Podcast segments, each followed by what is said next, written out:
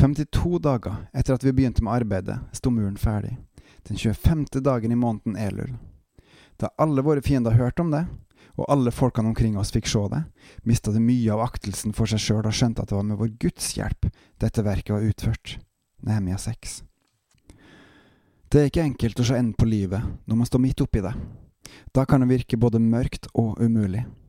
Og likevel er det håp, for med Guds hjelp er alt mulig. Nettopp det her tror jeg er viktig for oss kristne i dag. Håpet. Håpet på at seieren er vår. Velkommen hit til Gud i sentrum av meg, Håkon Winnem.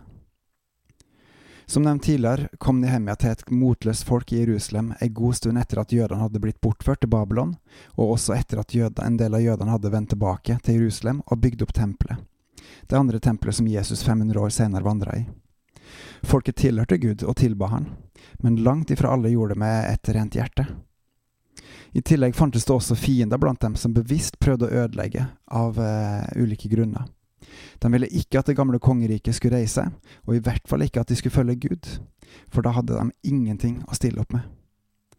Det hadde de siste århundrenes historie vist dem, alt fra utvandringa fra Egypt, trolig i år 1446 før Kristus, til kongene og profetene i både eh, Israel og Juda, de som fulgte Gud.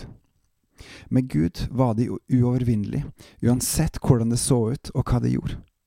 Tenk, det her visste fiendene, men ikke jødene sjøl, da Nehemia kom dit til Jerusalem. Det her minner meg om når kongen av Moab tilkalte spåmannen Bileam til seg i fjerde Mosebok 22 for å forbanne israelsfolket, som da sto på grensa til Moab, og da spurte om eh, fri passasje gjennom landet. Mens Bileam sto på fjellet og speida utover det tallrike israelsfolket, gjorde israelsfolket atter nye opprør mot Gud og Moses, og likevel så holdt Gud sin hånd over israelsfolket og kommanderte at Bileam han skulle velsigne folket, dette opprørske folket. Gud er nådig, for han vil at alle mennesker skal bli frelst. Også i Jerusalem, da Nehemia kom dit, var kampviljen og lydigheten til Gud svak.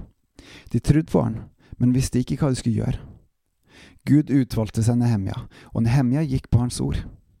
Var det utfordringer for Nehemia? Å ja, mange, og på mange ulike uh, nivåer. Du har det med overfor kongen hans, på reisen, motstanderne rundt Jerusalem og i Jerusalem, samt også å sette mot i innbyggerne i Jerusalem. Med Guds hjelp, og bare derfor, greide Nehemia det. Egentlig var det ikke han som klarte, men han var et villig menneske som gjorde det Gud ba han om, og så utførte Nehemia det Gud sa, og det han sjøl tenkte ut var smart å gjøre. Tross stor motstand ble muren ferdig på kun 52 dager. Med Guds hjelp er alt mulig. Hva så med i dag? Med Guds hjelp er alt mulig. I dag på samme måte som den gang. Vi kan også bygge muren rundt Guds menighet, rundt Guds ekte folk. Og når vi gjør det, ved å følge det han sier, både direkte til oss og gjennom Bibelen, vil alle våre fiender miste motet, fordi de ser at det er ved Guds hjelp vi gjør det. Men vi, vi vil styrkes i håpet med vårt evige liv med Gud, Han som er far til oss alle, og som kjenner oss. Bebels og veks i håpet. På gjenhør.